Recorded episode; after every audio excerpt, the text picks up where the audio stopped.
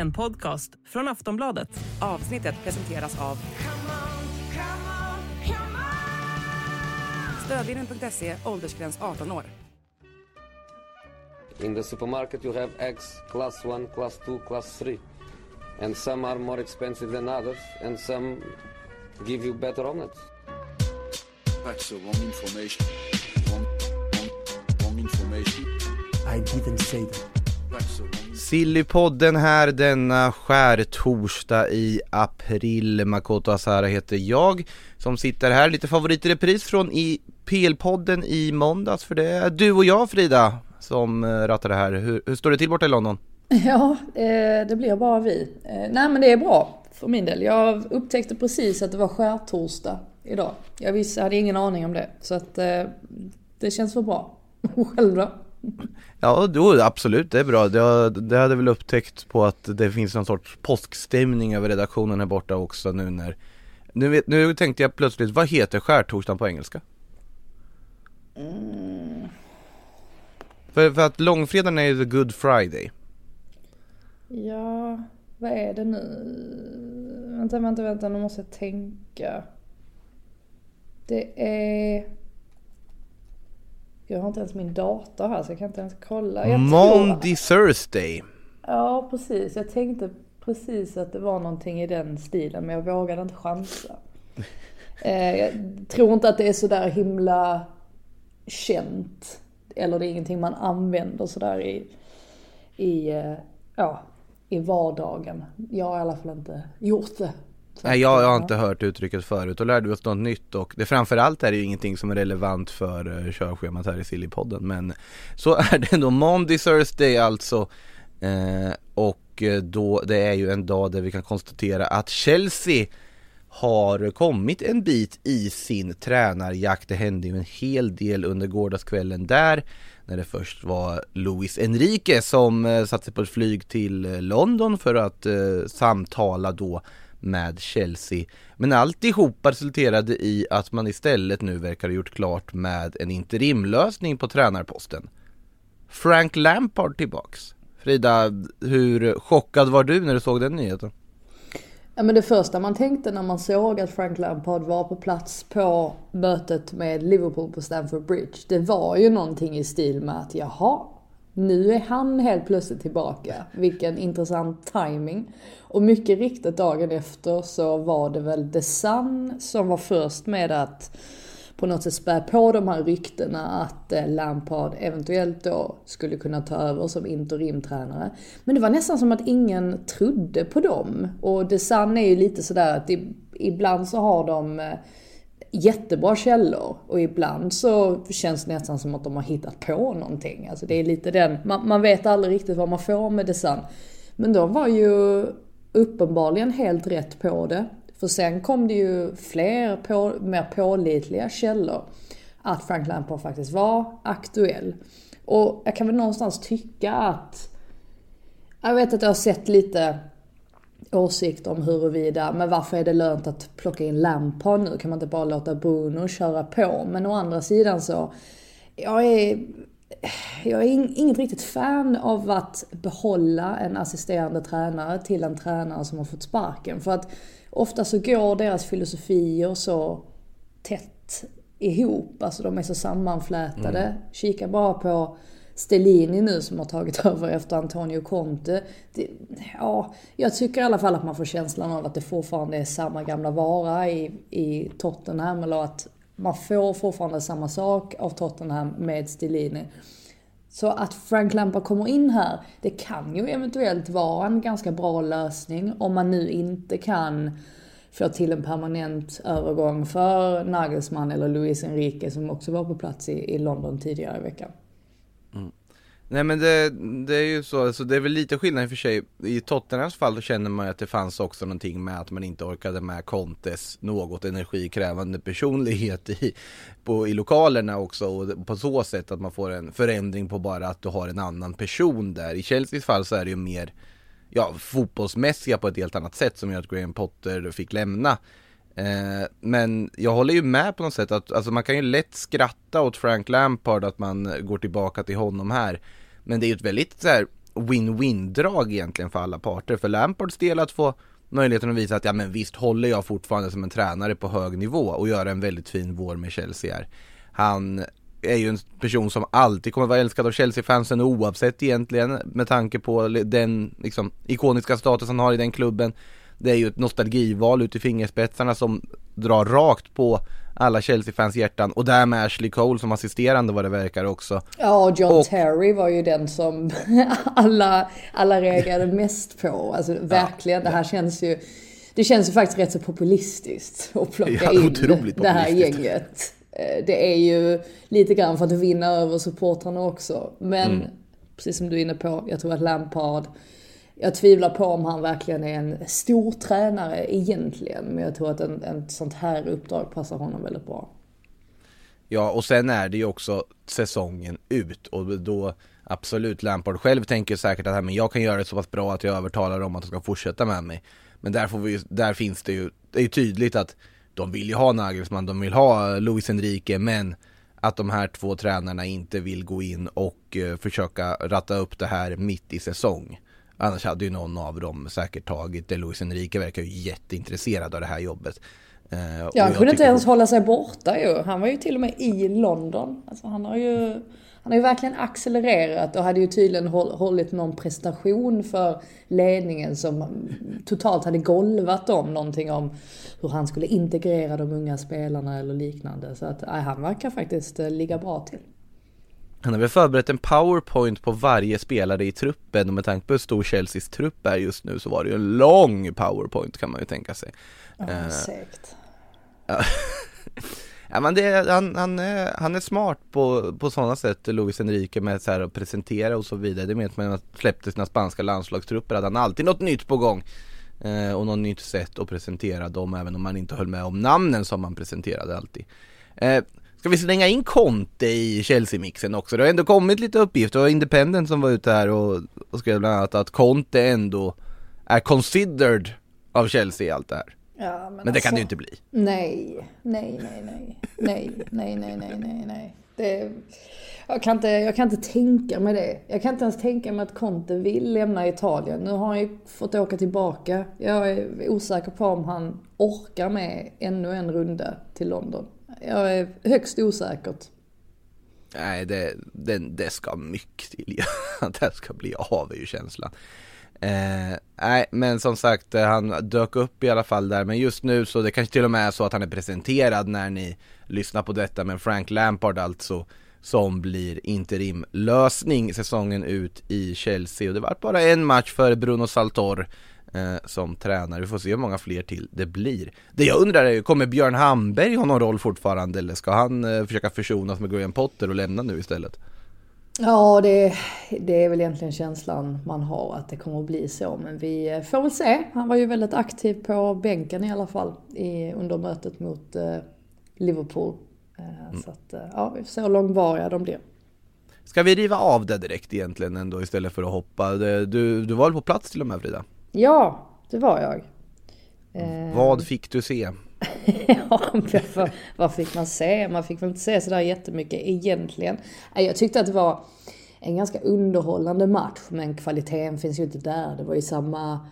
Man satt ju med samma intryck som man gjorde på Anfield för inte så länge sedan, när de här två lagen möttes igen. Och ehm, ja, alltså du... Det det här är ju inte två, det är inte två toppklubbar just nu och det märks. Och eh, Chelsea kan fortfarande inte göra mål. De låg återigen på över 2, jag tror det var 2,1 eller någonting sånt i eh, expected goals. Lyckas inte få in den. Det var helt ofattbart faktiskt att de inte lyckades få in bollen. Kai Havertz hade ju faktiskt en boll i nätmaskorna som blev bortdömd för hands och sen var det ett offside-mål också. Men eh, rent målmässigt så är det ingenting som går med Chelsea just nu. Eh, Kanté var tillbaka på mittfältet. Tror att eh, Potter möjligen, om han nu såg den här matchen, grämer sig lite över att han inte fick använda Kanté, eller ja i alla fall att han bara fick använda Kanté i, 33 minuter under sin tid som tränare för att han ah, Även om Kanté inte är min favoritspelare så ehm, För jag tycker inte att han är så bra med bollen som många vill göra gällande. Men han gör ju ändå ett jobb på något sätt där på centrala mittfältet. Han kan ju ändå vara effektiv och nyttig på, på så vis. Och Liverpool kom inte... De kom inte in i matchen riktigt förrän, ja, alltså framåt slutet egentligen. Och det var ju eh, tydligt att Jürgen Klopp, han ville på något sätt få till en reaktion efter förlusten mot Man City. Så han hade ju bytt ut sex spelare inklusive Mohamed Salah som också satt på bänken. Men det var, det var ett, eh, ett ögonblick när eh, Simikas drog bollen eh, helt oprovocerat över sidlinjen. Och Jürgen Klopp bara vänder sig om och bara skriker Robbo! Allt vad han kan. Och då fick Robertson, då fick han snöra på sig skorna och så bytte de in honom och Salah kom in Lite förvånande att Jota inte var den som blev avplockad. Eh, utan att det var Nunez som fick lämna plats. För att jag tyckte inte att Jota såg bekväm ut till höger. Så att ja, 0-0. Fyra timmar fotboll mellan de här lagen. Utan ett enda mål. Det är vad vi får nu för tiden. Ja det är otroligt många minuter som de inte har gjort mål mot varandra i ordinarie tid väl, alltså Chelsea och Liverpool, det är ändå sanslöst och här som sagt som, som du sa, Liverpool som bara kastar om allting men ja, Chelsea som inte lyckas eh, utnyttja det heller. Eh, nej, vi kommer in på resten av de eh, midweek, eller en del i alla fall av matcherna som spelats här under veckan också givetvis. Men först vill jag till Frankrike. För att eh, där har vi ju ett Paris Saint-Germain där eh, också det spekuleras en hel del kring diverse tränarnamn till sommaren. Christophe Galtier sitter ju här och nu som tränare för PSG men det är en pressad Galtier med tanke på att de har haft två raka förluster i ligaspelet, utslagna i kuppen, utslagna i Champions League sedan tidigare och det stormar. Och eh, en av namnen de vill ha och är intresserade av sägs ju vara en viss Julian Nagelsmann. Do you love anime, gaming, movies, and discovering how your favorite pop culture affects everything you do? Then join us on Crunchyroll Presents The Anime Effect. I'm Nick Friedman. I'm Lee Alec Murray. And I'm Leah President.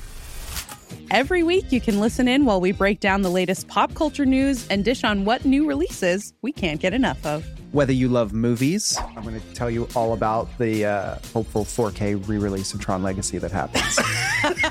I'm right there with you. Or music. The music in this show Yeah. is absolutely Yeah. incredible. Or anime. And under this mask is another mask. you can discover your new favorites right here on The Anime Effect. Listen every Friday wherever you get your podcast and watch full video episodes on Crunchyroll or on the Crunchyroll YouTube channel.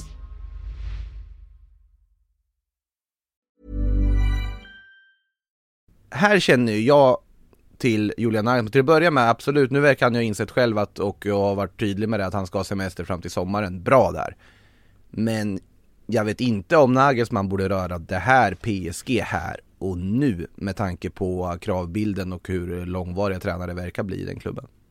Nej, och det jag tycker är så intressant med Nagelsmann är ju att man, med Luis Enrique, om nu Chelsea plockar in honom, så vet man lite grann vad man får. Men med Nagelsmann, han är ju fortfarande en... Han är inte en färdig produkt på så sätt att han är ung. Man vet inte exakt vad han har fått med sig för erfarenheter nu från tiden i, i Bayern. Jag vet inte riktigt vem Nagelsmann är, alltså till 100%. Och då tror jag inte att man ska kliva in och ta över PSG. Eh, det, det känns inte riktigt som eh, perfect match.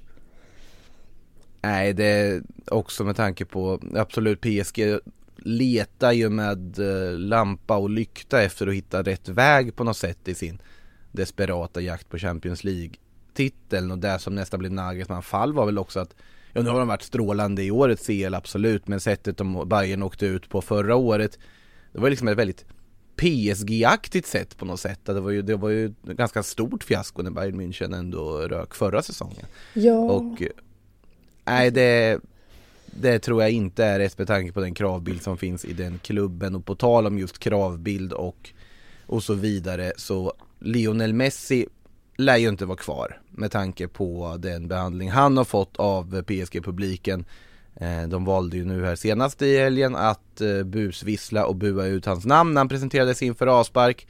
Det här är då alltså en spelare som har gjort 13 plus 13 den här säsongen i ligaspelet. Varit, ja, kanske lagets bästa spelare totalt sett, men inte syns till i de stora matcherna i Champions League. In, och ja, de, som sagt, de har ju åkt ur Champions League också. Det är, det är inte anledning kanske att stå och buga åt honom när han kommer in. Men det är ju väldigt hårt att börja vissla ut honom på det här sättet i alla fall, det är ju känslan. Eller vad säger du Frida? Ja, men det är som du, du har varit inne på också. Det visar ju också kravbilden i, i PSG. Mm. Och det är väl det också som får mig att känna att oavsett om nu Messi blir kvar eller om han lämnar så är det ju det man kan känna också i Nagelsmans fall att om man hade problem att hantera egon i Bayern Münchens omklädningsrum då lär det ju bli ja, tio gånger värre i PSGs omklädningsrum.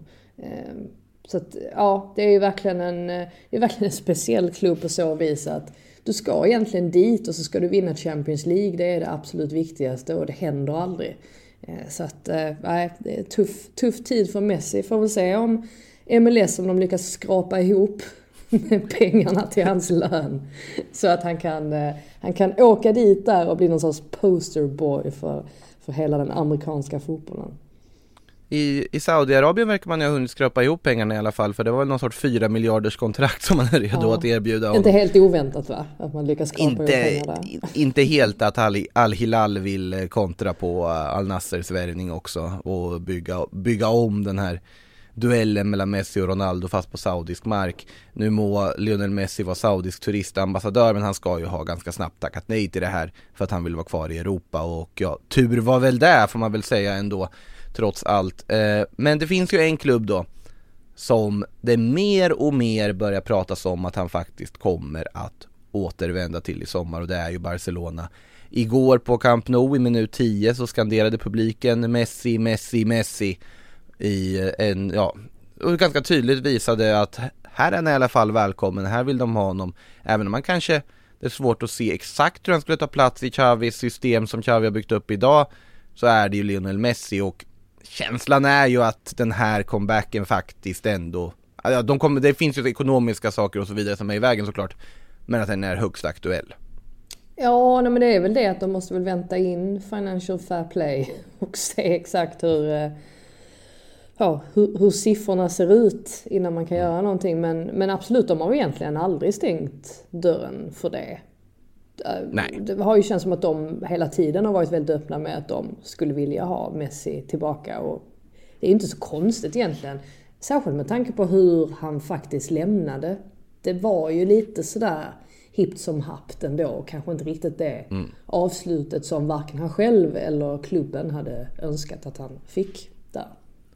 Ja, men det var ju antiklimaktiskt på så sätt att de var ju överens om att han skulle stanna Sen gick ju då, och det är ju inte bara Financial Fair Play utan det är ju La Ligas egna löneregler och lönetak som, som de har infört sedan några år tillbaka som hindrade Barcelona då från att förlänga med Messi med det här kontraktet med erbjudit för att de inte hade plats i sin lönebudget.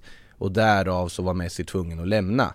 Eh, så att det fanns ju en vilja från båda att vara kvar men det gick inte utifrån La Ligas regler. Det är ju fortfarande de som är den stora utmaningen när man ska försöka få, få in honom här vi är ju i en situation där fortfarande Gavi nu har fått nummer 30 på ryggen igen för att hans A-lagskontrakt annullerades i spansk domstol och det är ju bara jätterörigt alltihopa. Eh, och ja, Barcelona är ju mer eller mindre i ett öppet krig mot eh, La Liga just nu. De gick ju ut med ett pressmeddelande här i veckan där man, ja, bad presidenten Javier Tebas att avgå men också la till den syrliga kommentaren. Inte för att han säkert kommer göra det då han antagligen bara vill sitta kvar på sin post och fortsätta smutskasta oss som han har gjort under alla dessa år. Och det skriver man från officiellt pressmeddelande så att det var eh, otroligt dålig stämning. Och det är ju inte bara med Gavis kontrakt och sånt att göra, det här är ju kanske främst med hela den här korruptionsanklagelsehistorien som har, har dykt upp då med Caso Negreira som, som i högsta grad pågår. Så det är ju otroligt rörig situation på så vis. Men samtidigt, om det är någonting som skulle kunna få Barcelona-fansen att tro igen så är det ju att Lionel Messi gör en comeback i, i klubben. Det är ju ingen tvekan om den saken. Och det värdet ser säkerligen La Liga som, som varumärke också att det hade betytt ganska mycket att få tillbaka en, en sån profil. Ja, det är lite Eh. speciellt också när, när PSG själv, jag bara läste någonting för någon vecka sedan kanske Mm. i L'Equipe att PSG själv hade erkänt nu att det, det kanske inte var, var den balansen de hade tänkt sig när de plockade in Mm. Messi, att de, de inte riktigt får till balansen. Jag kände att, ja men vad skönt att ni i alla fall har, har sett det här själv nu, så kan ni kanske kan ni kanske ta er samman och, och göra någonting åt det och eh, släppa någon av dem för att det är ju inte, det är ju inte hållbart, det är ju alldeles uppenbart. Men det är ju då man känner också, håll fast vid Galtier. Håll fa- låt honom få en andra säsong om man ser till att lösa ligan här. Med tanke på att om man tittar på det, det som rapporteras nu var spelare som man vill ha in då. Det är väldigt många spelare som är tillgängliga att sälja till sommaren när man ska tro det som rapporterats. Men de ska ju ha en plan då att de, de vill ju bli av med Neymar fortfarande men är väl medvetna om att det blir väldigt svårt att genomföra. Eh, med tanke på skadehistoriken och lönekrav och allt vad det är. Messi kan vi nog räkna som att han lämnar då på fri transfer. Men man ska ersätta då med en fransk stomme som ska byggas kring Kylian Mbappé och då är det ju ett namn som Kepren Turam, Randal Kolomoani, Yusuf Mofana, Manu Konera, Jan Cherki Alltså den typen av unga franska spelare som knackar på landslagsdörren. Eh, Jättelovande och jag tycker det är helt rätt väg att gå. Men den du vill ha och träna ett sånt lag Det är ju en person som Galtier som verkligen kan få ut maximala av, av en sånt material. Så att, eh, nej det blir väldigt spännande att se vad de gör men jag tror att det är nog ändå en smart väg så länge de vågar hålla fast och ha tålmodiga i den, inte bara byta riktning som de har gjort varje Säger säsong. du åt PSG att vara tålmodiga? Det är ju det är som att svära i kyrkan lite grann. Det, det, det, det hänger inte ihop. Det har inte ihop. Nej det är ju där, men det, jag tror att de behöver få det att hänga ihop på samma sätt som City ändå har hittat en sån tålmodighet som de kanske inte, inte hade tidigare. Det finns ju mycket mer tydlighet i det här projektet om vi, om vi då jämför eh, väldigt rika klubbar mellan varandra. PSG har ju inte haft det, den liksom långsiktiga tanken, de byter ju tanke varannat år, varje år till och med. Eh, men om du värvar så här en ung fransk stomme, då måste du ge dem tid också att eh, spela ihop sig, det är väl känslan.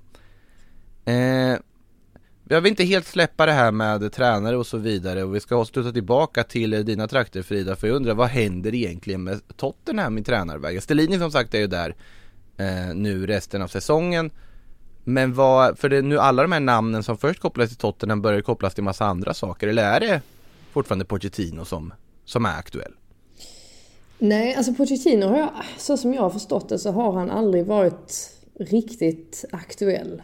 Att, ja Mm. men redan för ett par veckor sedan så, så kom det någon uppgift i alla fall om att han absolut inte var på bordet riktigt. Alltså han var inte högt upp på den här listan. Jag tror att Daniel Levy, han sitter säkert och suckar på sitt kontor nu över att Chelsea återigen förstör för hans, eh, ja, den planen han har lagt upp då. Att han vill ha Julian Nagelsmann. Eller det har varit ganska tydligt att Tottenham har varit intresserade av Nagelsmann i alla fall.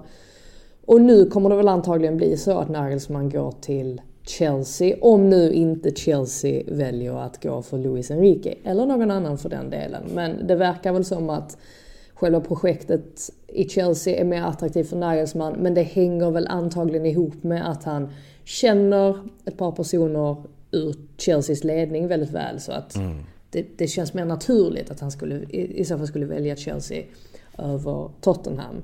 Så att det har på något sätt gjort att man är tillbaka lite grann på ruta ett. Alltså just nu är det inte jättemycket intensiva rykten men Graham Potters namn dyker upp då och då. Mm. Nu sägs det ju att Potter vill han vill ha ett par månaders break och det finns andra klubbar som han möjligtvis kan eh, involvera sig i. Det är ju, finns ju Leicester, eh, Crystal Palace lär väl också leta efter en ny huvudtränare. Jag tror inte att de håller fast vid Hodgson även om det hade varit underbart.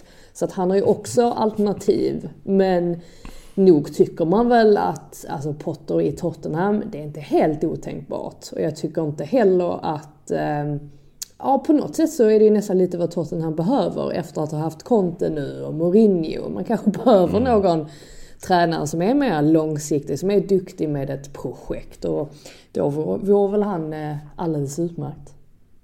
Ja, nej jag tycker att Potter till eh, Chelsea hade varit, eh, nej Potter till Tottenham, mycket, mycket tränarbyten.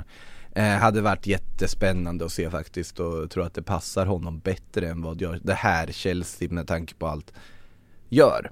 Och jag tror Potter är också en tränare som som skulle vara enkel att hantera för Daniel Levy för att han skulle inte ställa massa krav på att vi måste värva si och så många spelare utan Potter skulle ta det här material han får och göra det bästa utav det. Eh, och där tror jag att det, det lockar säkert för Tottenhams del också. Jag, jag vill i alla fall se det, jag tror att det har varit väldigt spännande. Men då till sommaren givetvis och in, inte här och nu. Eh, när man jagar eh, fjärdeplatsen i, i Premier League och allt vad, allt vad den innebär. Eh, Manchester United kommer att sitta kvar med sin tränare i alla fall om det inte sker någon så här fullskalig kollaps under våren och det är ju Erik Ten Hag som, som tränar dem. Däremot så kommer de ju säkert vara ute och försöka värva spelare. Anfallare har vi pratat mycket om i den här podden tidigare att man är ute efter, men de är också ute efter en högerback fortfarande. Aron Van Bissaka anses fortfarande inte vara det långsiktiga valet där tillsammans med Diogo Dalot. Och då är det många spelare som kopplas samman med dem. Denzel Dumfries, Benjamin Pavard och Jeremy Frimpong ska bland annat finnas på önskelistan enligt The Athletic. Frida, om du fick välja mellan Dumfries, Pavard och Frimpong till United, vem hade du tagit då? Dumfries, enbart för att han är nederländare så att jag tänker mig att Ten Hag har väldigt bra koll på honom. um, nej men jag tror väl också att det hänger på att man måste få Wan-Bissaka såld. Och det är mm. kanske inte helt helt enkelt heller. Sen, ja, i och för sig Pavards kontrakt går väl ut ganska Pavard snart. har en väldigt Ja, Pavard har ett väldigt förmånligt eh, mm. kontrakt mm. på så vis som gör att han skulle vara ganska billig att lösa. Ja, Dumfries skulle väl kosta mer för att inte är desperata efter att casha in på honom. Där, där vill ju, alltså båda de här två spelarna är ju högst alltså tillgängliga på marknaden om man betalar rätt pris. Det är ju ingen snack om saken. Eh, Frimpong är väl den som är mer alltså, svårlöst på så vis, för det är ju en väldigt lovande, spännande, också nederländsk ytterback där i eh, Bayer Leverkusen. Mm. Ja, precis. Alltså det, är, det är väl mest att man tänker att Alltså Man United, det de absolut inte får göra det är att få sätta sig i samma sits som de gjorde förra sommaren och som de har gjort väldigt många gånger. Det vill säga mm. att de får inte, de får inte till några värvningar. De lyckas inte sälja spelare förrän i sista sekund och så måste man betala överpriser för det. Ja, men, tänker inte minst på Anthony. Så att det, det tycker jag absolut att det är viktigt att, att de eh, i alla fall ordnar det tidigt. Ja, alltså redan, redan så fort säsongen är slut, att man på något sätt lägger upp en plan för att man måste man måste undvika att, att hamna i en liknande situation som man gjorde förra sommaren. Det är, det är en sak som är säker. Nej, nu på förhand så känner man ju att de kommer inte bli av med Aron Wan-Bissaka förrän de paniklånar ut honom till Crystal Palace eh, tillbaka dit då typ på deadline day. Det, det känns som ett troligt scenario för att man är så van vid att United är så segstartade i fönster men det får de ju verkligen inte vara här utan nu måste de ju och det har vi sagt inför varje sommar vara mer tydliga och aktiva från start och eh, men det kanske de kan ju vara med CL-plats och så vidare om de nu löser en sån. Ja, och sen så nu är de ju det är ju verkligen inte bara en högerback de tittar på. Precis som du var inne på så är det mm. ju även en, en, en forward och även mittback. Där ska ju hända någonting. Och där förväntar man sig att det kommer ske en utrensning och att man kommer sälja om det är Lindelöf och Maguire eller bara en av dem. Eller, mm. ja, det får vi ju se. Men, och sen så också lite grann ja men vad vill man ha in för typ av spelare? Ska man plocka in lite yngre spelare? Ja men då är väl Frimpong, hur gammal är han? 20? Någonting sånt? Ja, det är inte mycket ja. mer än så i alla fall. Nej, då är väl kanske han i och för sig ett bättre alternativ än någon som har varit med ett tag. Alltså jag menar, vad är Pavard, vad är han, 27-28 någonting i den, i den stilen. Mm. Så att, ja, det beror väl lite grann också på vad man ja, men vad Ten Hag känner att han vill ha för inriktning också. För att nu börjar på något sätt det här ta formen då. Alltså nu börjar det här bli hans lag. Men som sagt, mm. han måste få in ytterligare ett par spelare och rensa ut de dåliga äggen som man säger. Men han är ju på något sätt på, på väg i alla fall. Det var ju viktigt för dem att få med sig den här segern mot Brentford också efter kollapsen mot eh, Newcastle.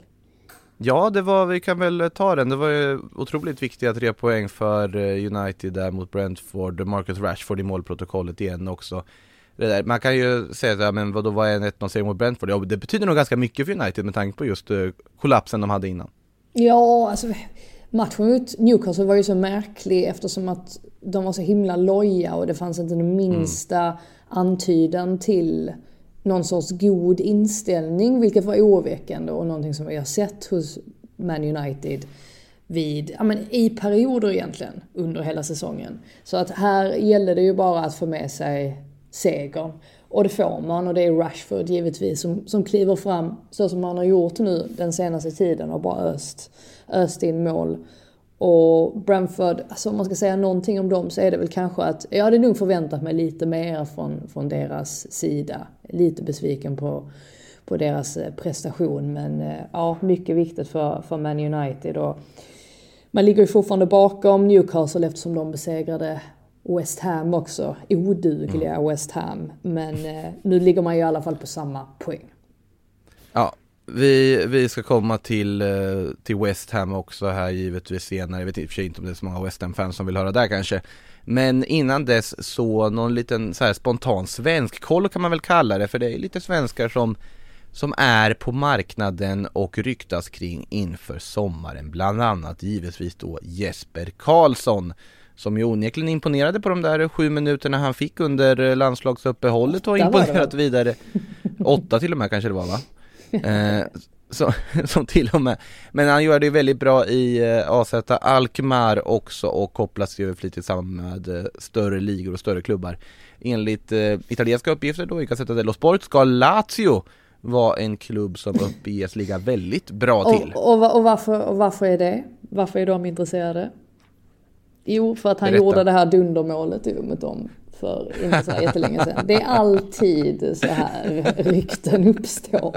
Någon spelare kliver fram och visar sig i, i, i en match mot just det laget och sen helt plötsligt så börjar man, eh, ja, börjar det komma en massa stories och, och rykten om att den spelaren är på väg till just den klubben. Ja, det är väl i och för sig, det är väl Lazio och Benfica man har sett att det snackas om. Fiorentina har ju varit Fiorentina. mycket prat om också. Eh, Benficas, Benfica hade jag varit lite, jag varit lite sugen på. Nej men jag hade varit sugen på Benfica för Jesper Karlssons skull. Jag vet inte mm. varför men det känns som att det hade varit en ganska, en ganska bra match. För, Han lär ju kosta en miljard inom loppet av någon, må någon månad höll jag på att säga.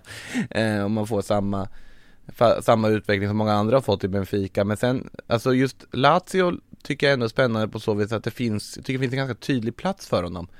Eh, du har ändå en ytter, eh, alltså ytteruppsättning där som är ganska liksom ålderstigen.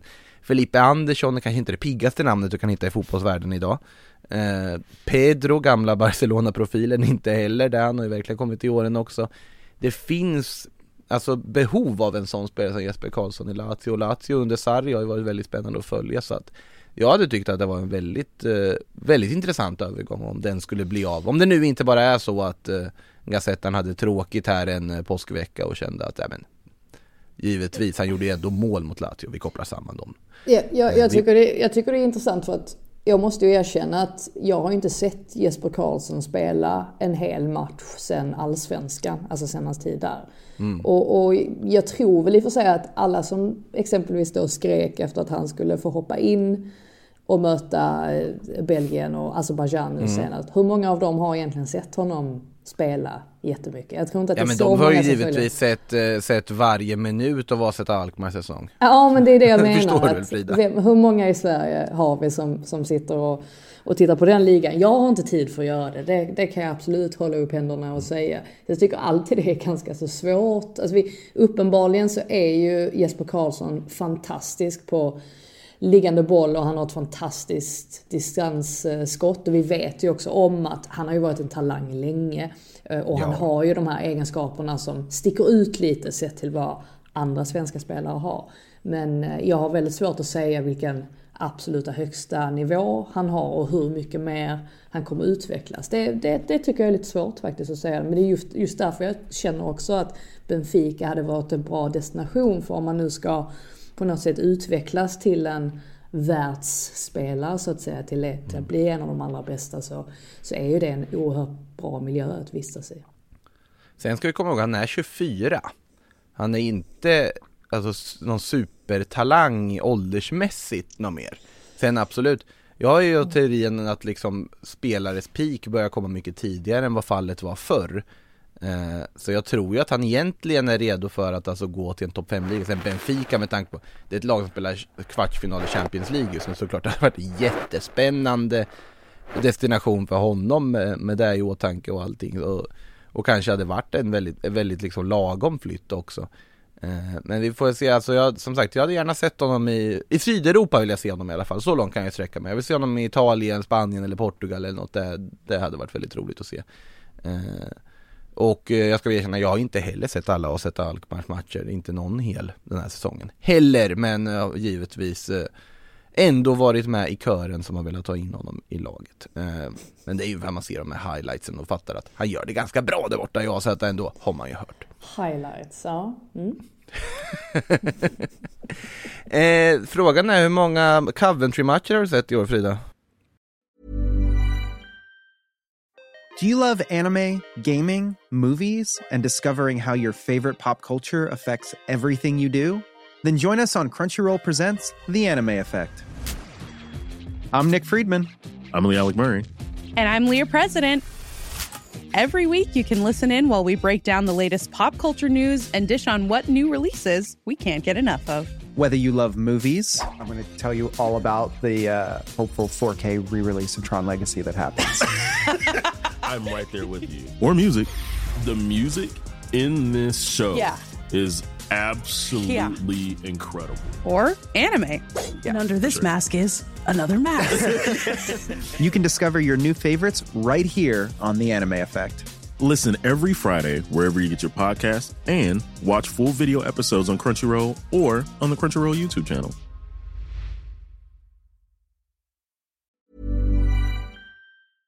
Eh, jag har sett tre, tror jag, Coventry. Alltså hela matcher då. Och eh, du vet ju givetvis vart jag vill med det här. Det är för att Viktor Yes. Gyökeres är nästa namn på körschemat. Han har ju bytt agent här nyligen, verkar det som. ja, ehm, precis. Det, det, The Sun körde upp det som exklusivt. Att de på något sätt avslöjade, men det var väl ganska känt sen, sen tidigare, innan de körde den storyn. Men nej, absolut, han har... Eh, han inser ju att han kommer lämna i sommar. Och det råder väl ingen tvekan om att han kommer göra det. Coventry kan inte behålla honom. De kan inte utmana om de pengarna som finns i Premier League då. Eh, så att det återstår ju att se vart han hamnar någonstans. För just nu verkar det i alla fall som att det blir Premier League. Eller att det är i alla fall det som har nämnts allra mest. Och West Ham ska ju vara en av de klubbarna. Men West Ham går ju inte särskilt bra just nu. Så att eh, man får nog avvakta i det fallet. Och sen så finns det ett par andra. Everton har ju också varit intre, intresserade sen tidigare. och Försökte ju värva honom i januari. Men å andra sidan så ligger de ganska kärvt till i tabellen också, så vi får väl avvakta i deras fall. Och eh, sen är det ju Burnley då och Vincent Company som ska vara ett väldigt stort fan av honom också. De är ju på väg upp i Premier League. Så att det finns ett par, eh, ett par destinationer som är, som är möjliga. Jag funderar på, satt inte i förra veckan och sa att, han borde, att Burnley skulle vara väldigt spännande att se honom i Så att det, det är väl ingen anledning att revidera det påståendet känner jag i, i dagsläget heller beroende på hur, eh, hur allting fortlöper i sommaren En annan eh, svensk bekanting, Anel Ahmed Hodzic eh, är ju också på väldigt många Premier League-klubbars tapet efter eh, hans succésäsong i Sheffield United Ja det där har verkligen blivit en perfekt flytt för honom måste man säga. Det är ju det är många svenskar som ändå har fått eh, liksom Alltså jackpot på att flytta till Championship måste man väl ändå säga på sistone. Ja, men jag tror att det som verkligen sticker ut det är deras fysik. Och jag tror att Arnel också var väldigt förberedd på vad det var som väntade England eftersom han hade varit här tidigare. Eh, Och på så vis så kunde han förbereda sig för det också. Men man minns ju vad Dejan Kulusevski sa när han kom hit också. Att han, han var ju rädd för det fysiska. Eller han var rädd att han inte skulle räcka till och sen gjorde han absolut det. Så att man har verkligen fått hit svenskar som ja, men som är ja, men väldigt, väldigt fysiskt starka. Gyökeres är en annan spelare som är väldigt, väldigt fysiskt stark. Och eh, Arnel då, han har ju fått en roll i Sheffield United som har passat honom väldigt bra. Det vill säga att han ja men eh, naturligtvis har det defensiva ansvaret men trycker upp väldigt ofta också och har gjort väldigt många mål, alltså ovanligt många mål för, en, för att Mm. vara en mittback. Verkligen. Så att eh, nej, han har verkligen kommit in i det väldigt bra där och han är väl lite förvånad över det själv också kan jag tänka mig. Men eh, det är inte så konstigt att eh, det börjar pratas om, om större klubbar då. Han kan ju för sig bara sitta kvar och hänga med upp möjligtvis också. Och då, då behöver inte han flytta på sig heller för han lär väl vilja ge det en chans i Premier League också oavsett nästa säsong. Eh, Det kan ju bli i för The Blades om det vill sig väl för dem. Ja men hur, precis, alltså jag, nu har jag faktiskt inte tagit mig en titt på Championship-tabellen. Ja de är väl med där uppe i toppen. Ja, jag, bara känner att det, det händer så mycket där hela tiden. Och Ja den, den, den tabellen svårt ändras ju konstant men de ligger ju tvåa med eh, sex poäng ner till Middlesbrough. De har dessutom Mm, en match till godo på Middlesbrough. Även Luton Town som är uppe på eh, sex poäng bakom eh, Sheffield United där. Mm, ja för man vill ju ta en av direktplatserna. Det är playoff, alltså det, det kan bli stökigt. Eller det är väldigt nervigt i alla fall. Med, eh, med playoff just i Championship. Kul att kolla på är det ju dock. Mm. Playoffet ja, miljardmatchen där också i, när, eh, när de möter den där playoff-finalen. Det, är- det är väldigt fint att man har det där kvalsystemet tycker jag fortfarande. Eh, det är, precis, när jag tittar till 38 matcher, ja det är ju faktiskt inte så många matcher kvar. Det är ju bara, ja vad blir det, åtta matcher kvar för Sheffield United och så de sitter ju i en väldigt god sits här inför eh, slutspurten. Burnley måste väl nästan vara matematiskt klara snart också. Med tanke på deras otroligt fina säsong de har gjort under eh, Vincent Company. Eh, det blev lite Championship-update där mitt i alltihopa. Nu tillbaka till Premier League höll jag på att säga, för där har vi ju en svensk som redan är där och eh, som kommit igång nu också, nämligen Alexander Isak i målkolumnen igen. Eh, när Newcastle pulveriserade West Ham med 5-1. Vi, det finns ju en West Ham-aspekt i det hela här också, men till att börja med eh, Newcastle ser ju ganska bra ut just nu. Ja, det blev ju på något sätt, alltså de kapitaliserade ju på West Hams misstag under gårdagen, så Mm. var det ju. Och West Ham de startade, ja men de fem första minuterna ungefär så startade de väldigt pikt och väldigt lovande. Men sen var det bara som att de förstörde för sig själva. De sköt sig själva i, i båda fötterna genom att begå försvarsmisstag som man absolut inte kan göra på den nivån. Så till slut blev det ju som att Newcastle spelade i en egen liga kontra West Ham. Men ja men precis, alltså de har verkligen börjat ta de här Ja, men nästan som att de, alltså inte att det går väldigt enkelt för dem på så vis eller att de promenerar sig till segrar, för det gör de ju absolut inte. Men, men däremot så har de blivit väldigt stabila i sättet som de tar sina segrar på. Och det var ju samma sak mot, eh, mot Man United också, att det, det blev en väldigt bekväm vinst i slutändan. Så att nej, de ligger ju där på, på tredje plats och nu börjar man ju verkligen tänka att det ska nog ganska mycket till ändå för att de ska tappa det här. Alltså Champions League-platsen tänker jag ju då främst på. För att Mm. Man United, ja men de är vad de är. De är lite upp och ner. De har haft lite spelare borta på centrala mittfältet och det kommer bli skillnad när de väl kommer tillbaka. Men Tottenham har ju inte övertygat och ja, tappade poäng borta mot Everton också. Väldigt onödigt för deras del med tanke på att Everton var en man mindre under stora delar av den matchen. Så att nej, det, Newcastle mår bra just nu och mycket är tack vare Alexander Isak. Nu kommer han ju in och får göra ett mål som är ja, men ganska enkelt. Det är ju Fabianski som slarvar men han var otrolig mot Man United. Och han är verkligen en sån spelare där man sitter och tänker att han, han, kan, bli, han kan bli ännu bättre än detta. Han, eh, ja men just med hans, han, har, han har allt. Han är, nu ska man inte gå, man ska inte dra för höga växlar på så vis men han har ändå lite Henri över sig. Alltså det här med att det, det, kan ju hända, det kan nog hända mycket mer under kommande år. Så kan man säga. Och så har man ju Callum Wilson också som ju också var väldigt bra mot West Ham. Han fick ju starta i den matchen. Alltså Henri-liknelsen är väldigt bra tycker jag, för alltså det är en otroligt elegant forward. Det är ju verkligen det Alexander Isak är, det är en elegant fotbollsspelare som Men inte bara något svaj, utan han har ju också styrkan och allting i det liksom att han Han kan ta duellspelet men också otroligt känsliga fötter, otroligt smart och är det är en otroligt sevärd anfallsspelare utan tvekan Eh, vi smyger in en fråga här från Jonas Åkerblom också. För han undrar om Newcastle når Champions League, vilka spelare tycker vi att de ska gå efter? Eh, vad är det egentligen de behöver förbättra? För startelvan ser ju väldigt bra ut. Jag tycker väl snarare det är bredden man ska jobba med då, eller? Ja, nej men jag håller väl med. Nu har de ju faktiskt fått bredd där i och med att de har Callum Wilson och Alexander Isak. Det är ju...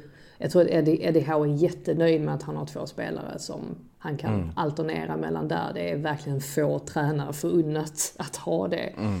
Det man tänker, eller ja, där, de egentligen har... Nu har ju St. Maximan och han börjat spela lite mer.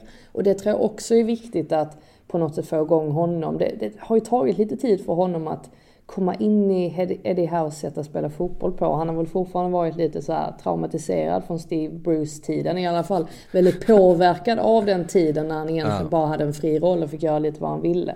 Och nu får han inte göra det längre. Men nu har ju han faktiskt fått spela en hel del. Så att den man tänker spontant på som har spelat mycket på sistone, som kanske inte riktigt, som har varit bra, det är inte det jag säger, men där man möjligtvis kan få till en upgrade.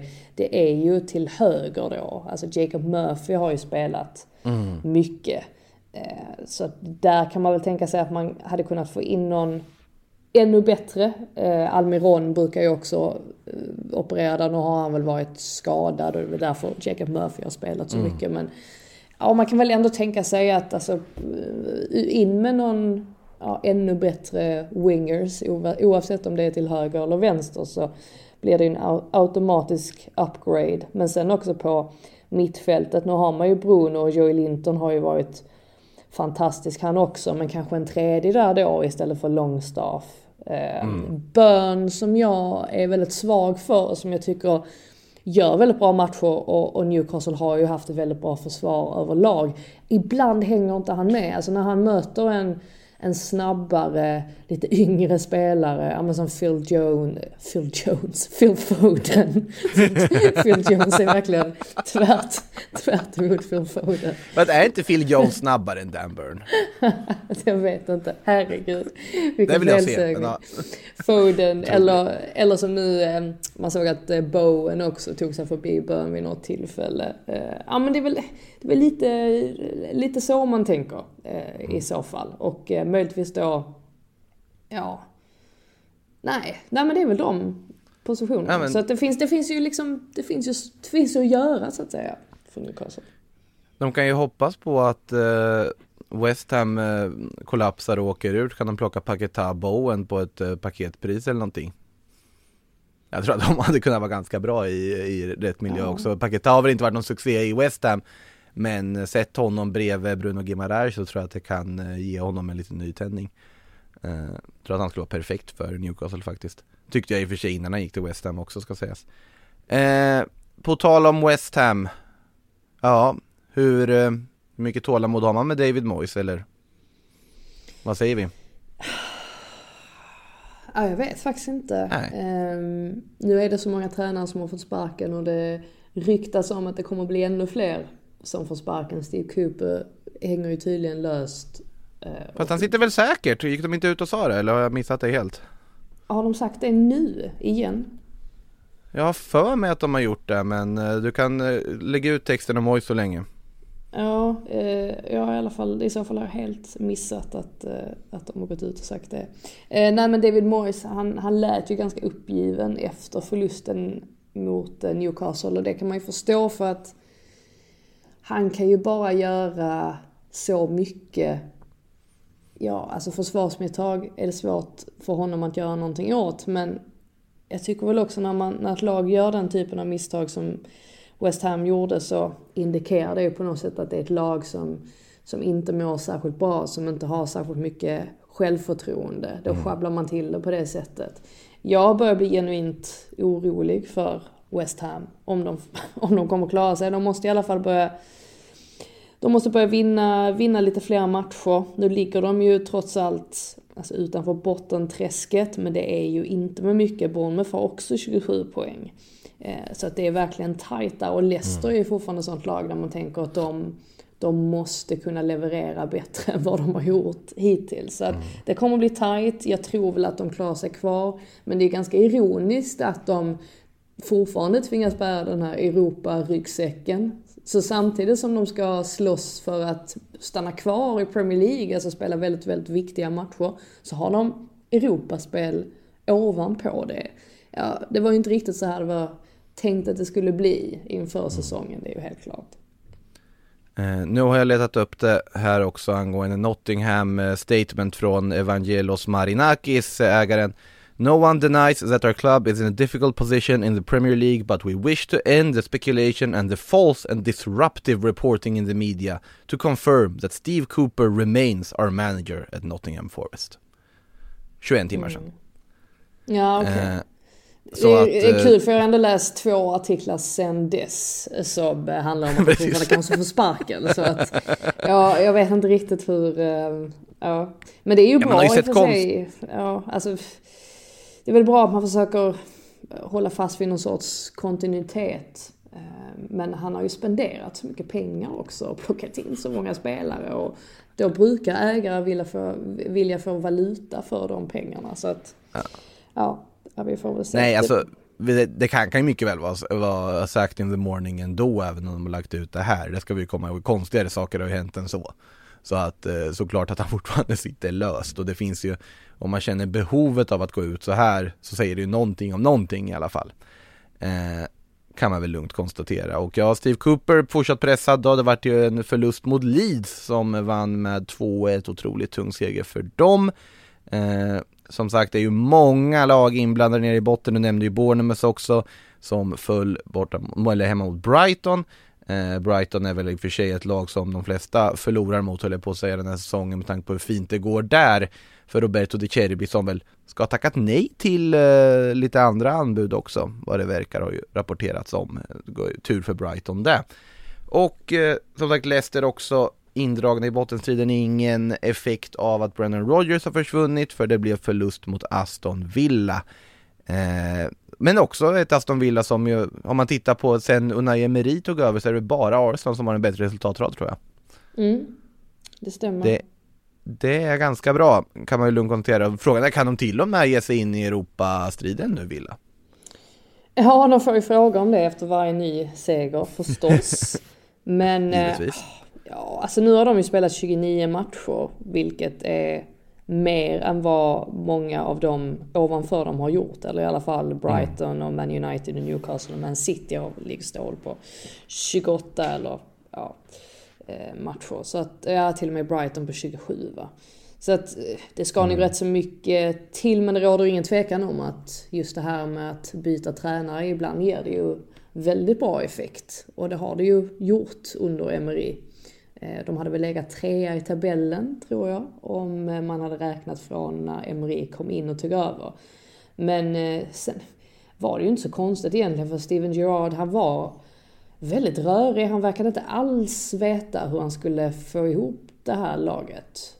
Och eh, inte minst formationsmässigt. Jag vet att vi satt och pratade väldigt mycket i, i poddar och sådär om att varför gör han på det här sättet och varför gör han på det här sättet. Och inte för att man själv är någon form av expert. Jag menar Steven Gerrard kan tusen gånger mer om fotboll än en själv. Men när man till och med som privatperson höll jag på att säga, när man själv ser saker som man tänker att det där, det där kommer inte hålla.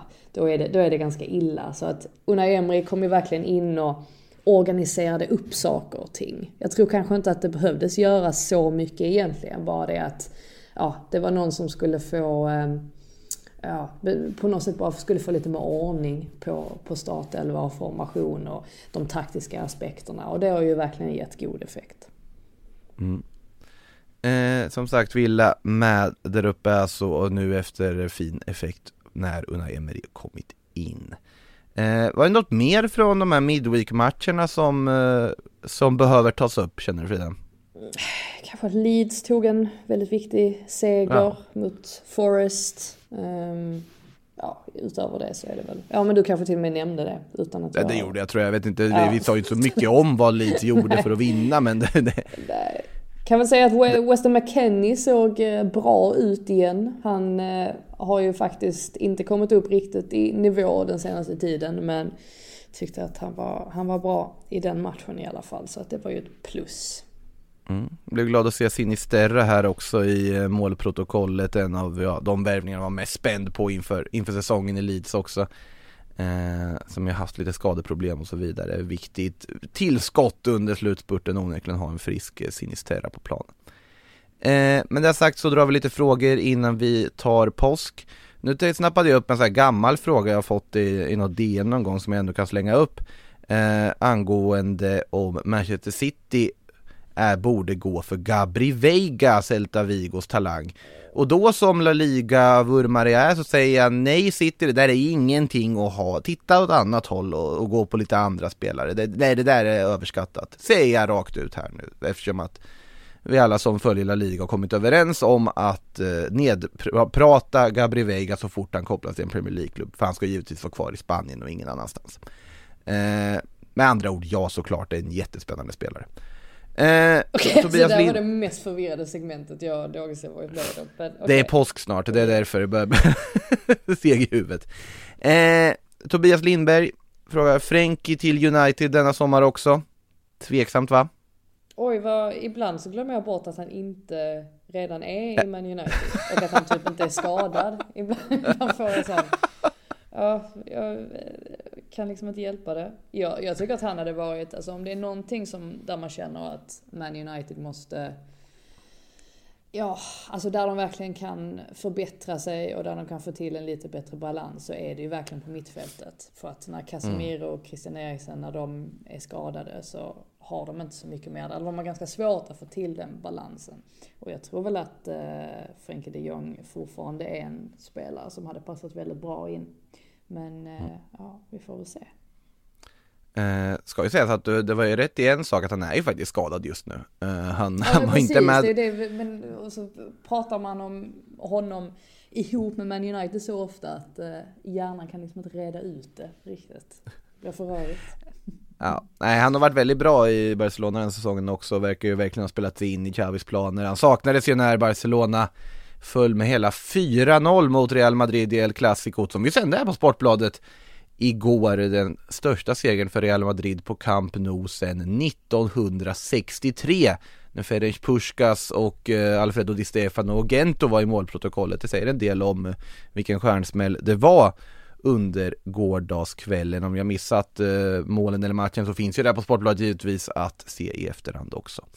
Eh, tar en sista fråga här från Arvids innan vi packar ihop eh, eh, inte en helt seriös fråga kanske, men halva Liverpools trupp kan bara dra i sommar. Har vi några tillgängliga League 2-klubbar som kan tänka sig dessa? Ja, de tog väl inte riktigt chansen ändå. Alltså backup-laget eller vad man ska säga när, eh, när de roterade friskt i eh, Jörgen Klopps manskap i, mot Chelsea. Ja, men alltså det man reagerar mest på det är ju att liksom, året är 2023 och Jordan Henderson och James Milner avslutar matchen på mittfältet ihop för Liverpool. Jag menar, alltså det, är, det här ja, men det är, inte, det är inte för fem år sedan. Eh, så mm. det, det visar ju på något sätt att herregud vad det är mycket som har gått fel sett till att man man på något sätt har värderat fel sett till ja, med vilka man har gett kontraktsförlängningar och att man inte har plockat mm. in några nya mittfältare. Men det där vet vi ju allesammans. Men nej, reservlaget, om man nu ska kalla det det, tog väl inte riktigt chansen. Det var några spelare där man märkte att självförtroendet är verkligen inte på topp. Alltså, jag vet inte, jag tyckte Joe Gomez, han slog bort rätt så mycket bollar exempelvis och Curtis Jones, jag tyckte han bara sprang och halkade. halkade hela tiden. Och det indikerar ju Ja, det är ju inte bara otur när man halkar. Ofta är det ju också, handlar ju om balans och sådär. Att, ja, jag vet inte riktigt vad han sysslar med. Och som sagt i Jotas fall att han såg inte riktigt bekväm ut till eh, höger. Så att nej, det, det kan man väl inte påstå att det var någon eh, sån här över, överdriven succé egentligen. Nej, det är bara att eh, spela klart säsongen på sätt för Liverpool just nu. Ja, de är ju med i kampen om Europaplatserna där uppe givetvis också. Det är ju en viktig slutspurt som väntar, men det är ju till sommar som saker måste hända på, på Merseyside. Med det sagt eh, Frida, nu tycker jag att vi tar eh, helg helt enkelt här och säger på återhörande från Sillypodden. Glad påsk allihop och tack för att ni lyssnat. In the supermarket you have eggs class 1, class 2, class 3. and some are more expensive than others, and some give you better omelets. That's the wrong information. Wrong, wrong, wrong information. I didn't say that. That's the wrong information. Du har lyssnat på en podcast från Aftonbladet. Ansvarig utgivare är Lena K Samuelsson.